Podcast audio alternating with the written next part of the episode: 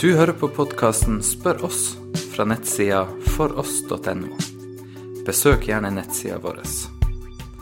Vi oppdaterer ukentlig med artikler og andre ressurser som omhandler kristen tro. Du kan finne oss på foross.no.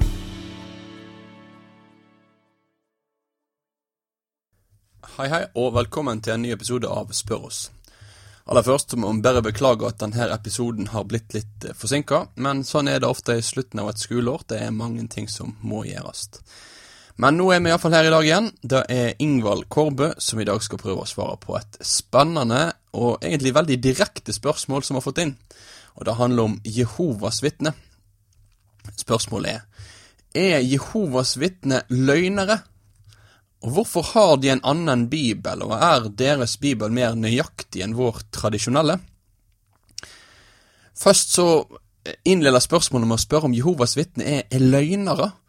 Og når jeg fikk dette spørsmålet, her, så måtte jeg begynne å tenke litt, hva, hva er det egentlig den personen som spør her faktisk lurer på? Hva spør han etter når han spør om de er løgnere? Ofte så, så, er det kanskje sånn at vi i hverdagsspråket vårt, iallfall er det sånn for min egen del at, at jeg omtaler løgn eh, som når en person bevisst forteller usannheter for å spre et budskap. Så jeg sier at noen lyger hvis de bevisst sier noe som de vet at er usant. Og, og jeg har på ingen måte tro på at Jehovas vitner går rundt og bevisst villeder folk. At de veit at de tar feil, men så bare går de rundt og sier de tingene som de gjør. Tvert imot så, så er iallfall mitt inntrykk at de vitnene som jeg har snakket med, det er personer med stort alvor er overbevist om sin religion. Det er personer som har en, en djup overbevisning, og, og som, som, absolutt ikke ser ut til å spille et slags skuespill. Så, så ut ifra dette her så tenker jeg at de på ingen som helst måte er løgnere. Men når det er sagt, så kan vi se at, at uh, ordet løgn, og da å være en løgner, uh, det kan òg ut ifra noen bibeltekster handle om at personer forteller usannheter om Jesus. Løgn kan med andre ord være å tale usant om Jesus. For eksempel så står det da i 1. Johannes brev, kapittel 2 og vers 22a. Og hvem er løgneren, om ikke den som nekter at Jesus er Kristus? Så dette her, det er et bibelvers som understreker alvoret med å ha en feilaktig forståelse av Jesus. Og Johannes han ser ut til å ha skrevet dette brevet her inn i ei tid der det ser ut som at noen har akseptert eller respektert Jesus i alle fall, og, og trodd på, på Gud, men, men, de tror ikke at Jesus er Kristus. De tror ikke at han er den Guds salva frelser som var lova gjennom Gammeltestamentet at skulle komme, og nå hadde kommet for å frelse sitt folk fra synder der. Og nå, nå så vil Johannes rett og slett vise tilhørerne og leserne klart og tydelig at måten vi forholder oss og forstår Jesus på, er ikke noe som, som er et relativt spørsmål. Tvert imot så er det spørsmål om sannhet og usannhet. I hans forståelse så er det en sannhet at Jesus er Kristus, og når noen sier at han ikke er Kristus, at han ikke er Guds lov og frelser, ja, da sier faktisk Johannes her at de er løgnere, det vil si at de tar feil. Og dette her, da tenker jeg vi kan ta med oss òg inn i, i, vår tid i dag, da. Eh, det er sånn at vi, vi er jo òg i ei tid der, der, mange av oss òg er vant til å tenke i ganske relative kategorier om ulike ting. Vi kan være uenige om ulike ting, og en kan òg tenke at ja, ja, vi, vi, ser litt ulikt på det ene og det andre. Og Kanskje vi kan òg begynne å tenke sånn om, om det som har med hvordan folk ser på Jesus, så en begynner å tenke at har det egentlig så mye å si? Har det så mye å si om, om noen tenker at Jesus er, er, Gud eller ikke? Har det noe å si om folk tenker at Jesus er Messias eller ikke? Er det så viktig?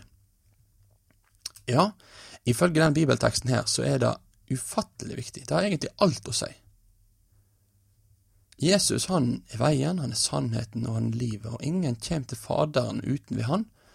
Og det er akkurat like sant i dag som det var når Jesus sa det første gangen. Og Derfor så, så er det faktisk sånn at da å ha en rett forståelse av Jesus og hans natur, det er fullstendig ufravikelig for å bli frelst. Det er en trosbekjennelse som ble skrevet i Oldkirka som heter den atanasianske trosbekjennelsen, og den er nok mye mindre kjent for oss enn sånn som den her apostoliske, som ofte har vært brukt på gudstjeneste og søndagsmøter rundt omkring. Men den atanasianske trosbekjennelsen den har eh, kristne kirkesamfunn i over 1500 år hatt som et bekjennelsesdokument. Noen sier at en tror at sier sannheten om hvem Jesus er, og hva treenigheten er. Og dette dokumentet her, da, da bruker jeg ganske mye tid på å, å beskrive treenigheten, og så beskriver det Jesu to natur, at han er sann Gud, at han er sant menneske. Og Så avslutter dette dokumentet her, eller dette bekjennelsesskriftet med å si at dette, at Jesus blant annet da er sann Gud og sant menneske, det er den felles kristne tro. Og den som ikke oppriktig og fast har denne tro, kan ikke bli salig. Det er den felles kristne tro. Den som ikke oppriktig og fast har denne tro, kan ikke bli salig. Tilbake da til spørsmålet om Jehovas vitner, om, om de er, er løgnere eller ikke. Altså, så vil jeg da bare for det første si at ja, når det gjelder Jehovas vitner, så er de veldig tydelige på at de tror at Jesus er Messias. De omtaler han som Jesus Kristus. De kan snakke om Jesu død som en, en løsepenge. Så vi kan ikke direkte applisere dette verset her på Jehovas vitner. For at de tror at Jesus er Kristus. Men samtidig så kan vi si at deres oppfattelse av Jesus avviker på sentrale punkt fra det som har å gjøre med forståing av Han, sånn som, sånn som den har vært gjennom hele kirka sin historie, og sånn som jeg òg er overbevist om at Jesus blir framstilt i Bibelen. Nemlig at Jesus, han er sann Gud med stor G, og sant menneske. Derfor er det ikke en liten bagatell at de er uenige i disse lærepunktene. Nei, det er veldig, veldig alvorlig. Men nå skal vi gå videre til det andre delen av spørsmålet, for dette var òg et spørsmål om bibeloversettelsen deres, og, og, i hva grad den her er, er mer nøyaktig enn en våre bibeloversettelser, som er mer vanlig å bruke i andre eh, trossamfunn. Eh, Jehovas vitner har en egen bibeloversettelse som blir kalt for Ny verden-oversettelsen.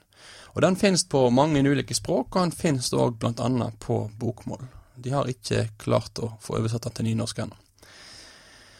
Eh, og Jeg skal ikke gå inn på så ekstremt mange detaljer rundt denne bibeloversettelsen nå, men jeg kan bare gi noen korte glimt. Og det første jeg vil si, det er at, at denne bibeloversettelsen, den nye verdenoversettelsen, det er en oversettelse som har lagt vekt på å være en veldig konkordant oversettelse.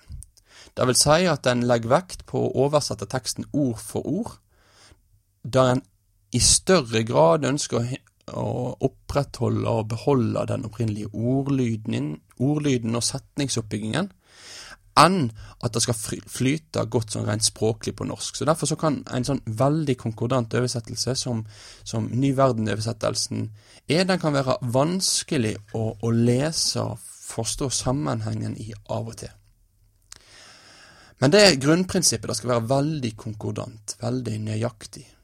Og Samtidig så er nok nyverdenoversettelsen på norsk i stor grad òg oversatt ifra engelsk, den engelske nye verdenoversettelsen, og ikke i så stor grad de greske og hebraiske grunntekstene.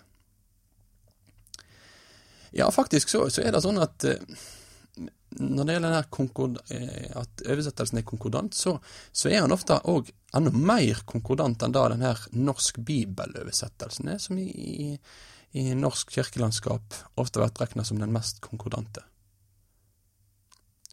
Men i tillegg så er det sånn at denne tanken om å oversette ord for ord og være veldig nøyaktig i å videreformidle den hebraiske og greske ordlyden, den blir gjentatte ganger gjennom Ny verden-oversettelsen overstyrt av dogmatiske hensyn, altså troslæremessige hensyn, og da framfor alt knytta til forståelsen av treenigheten og Jesu guddommelighet.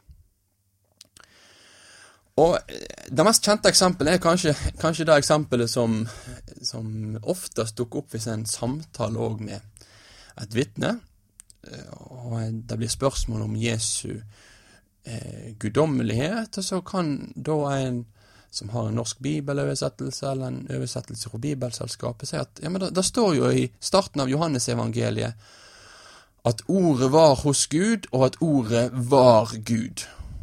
Men da vil et vitne ta fram sin bibeløversettelse og si at nei, men det er ikke det som står her. Det vil si at ordet var hos Gud, og så står det og ordet var én Gud med liten g. Og rent sånn grammatisk så, så kan eh, den greske teksten her bli oversatt på denne måten, at det kan bli oversatt med én gud, men, men de aller fleste bibeløversettere er enige om at det bør oversettes med at ordet var Gud med stor G i dette tilfellet. Men når Jehovas vitne ikke tror at Jesus er Gud, så vil jo ikke en sånn oversetting gå. Og en annen et annet eksempel på at, at denne ny verden-oversettelsen har problemer med bibeltekster som, som i stor grad eh, poengterer Jesu guddommelighet, da finner vi i, Romerbrevet kapittel 10 og vers 13. I Romerne 10, 13 så står det i nye verden-oversettelsen at enhver som påkaller Jehovas navn, skal bli frelst. Mens de fleste av andre bibeløversettelser skriver at enhver som påkaller Herrens navn, skal bli frelst. Så Nyverden-oversettelsen snakker om å påkalle Jehovas navn, mens andre bibeløversettelser snakker om å påkalle Herrens navn. I forkant av Romerne 10.13 så har Jesus flere ganger i de foregående versene blitt omtalt som Herre. Og da er det den helt klart mest sannsynlige tolkingen at når det her er snakk om å påkalle Herrens navn i Romerne 10.13, så sikter det til Jesus, at det er Jesus her som blir omtalt som Herren. Det er snakk om å rope til Jesus, og at den som roper til Jesus, den blir frelst. Men for et Jehovas vitne så er ikke dette her spisbart, for, for de vil advare mot bønn til Jesus, sier han i deres teologi ikke er Gud. Det var litt om Jehovas vitne, og sjøl om det kan være mange likhetstegn, så er det òg mange grunnleggende forskjeller som skiller dette trossamfunnet fra kristne kirkesamfunn. Og Hvis du ønsker at vi skal ta opp mer om Jovas vitne, og hvordan møter de og tenker rundt deres standpunkt i ulike spørsmål, så er det bare å ta kontakt og skrive inn nye spørsmål til Spør oss. Spør òg om andre ting hvis det er andre spørsmål du tenker at vi kunne behandla i podkasten. Ha en god dag videre. Du har nå hørt podkasten Spør oss. Still flere spørsmål, se andre ressurser, og vær gjerne med og støtte oss på foross.no.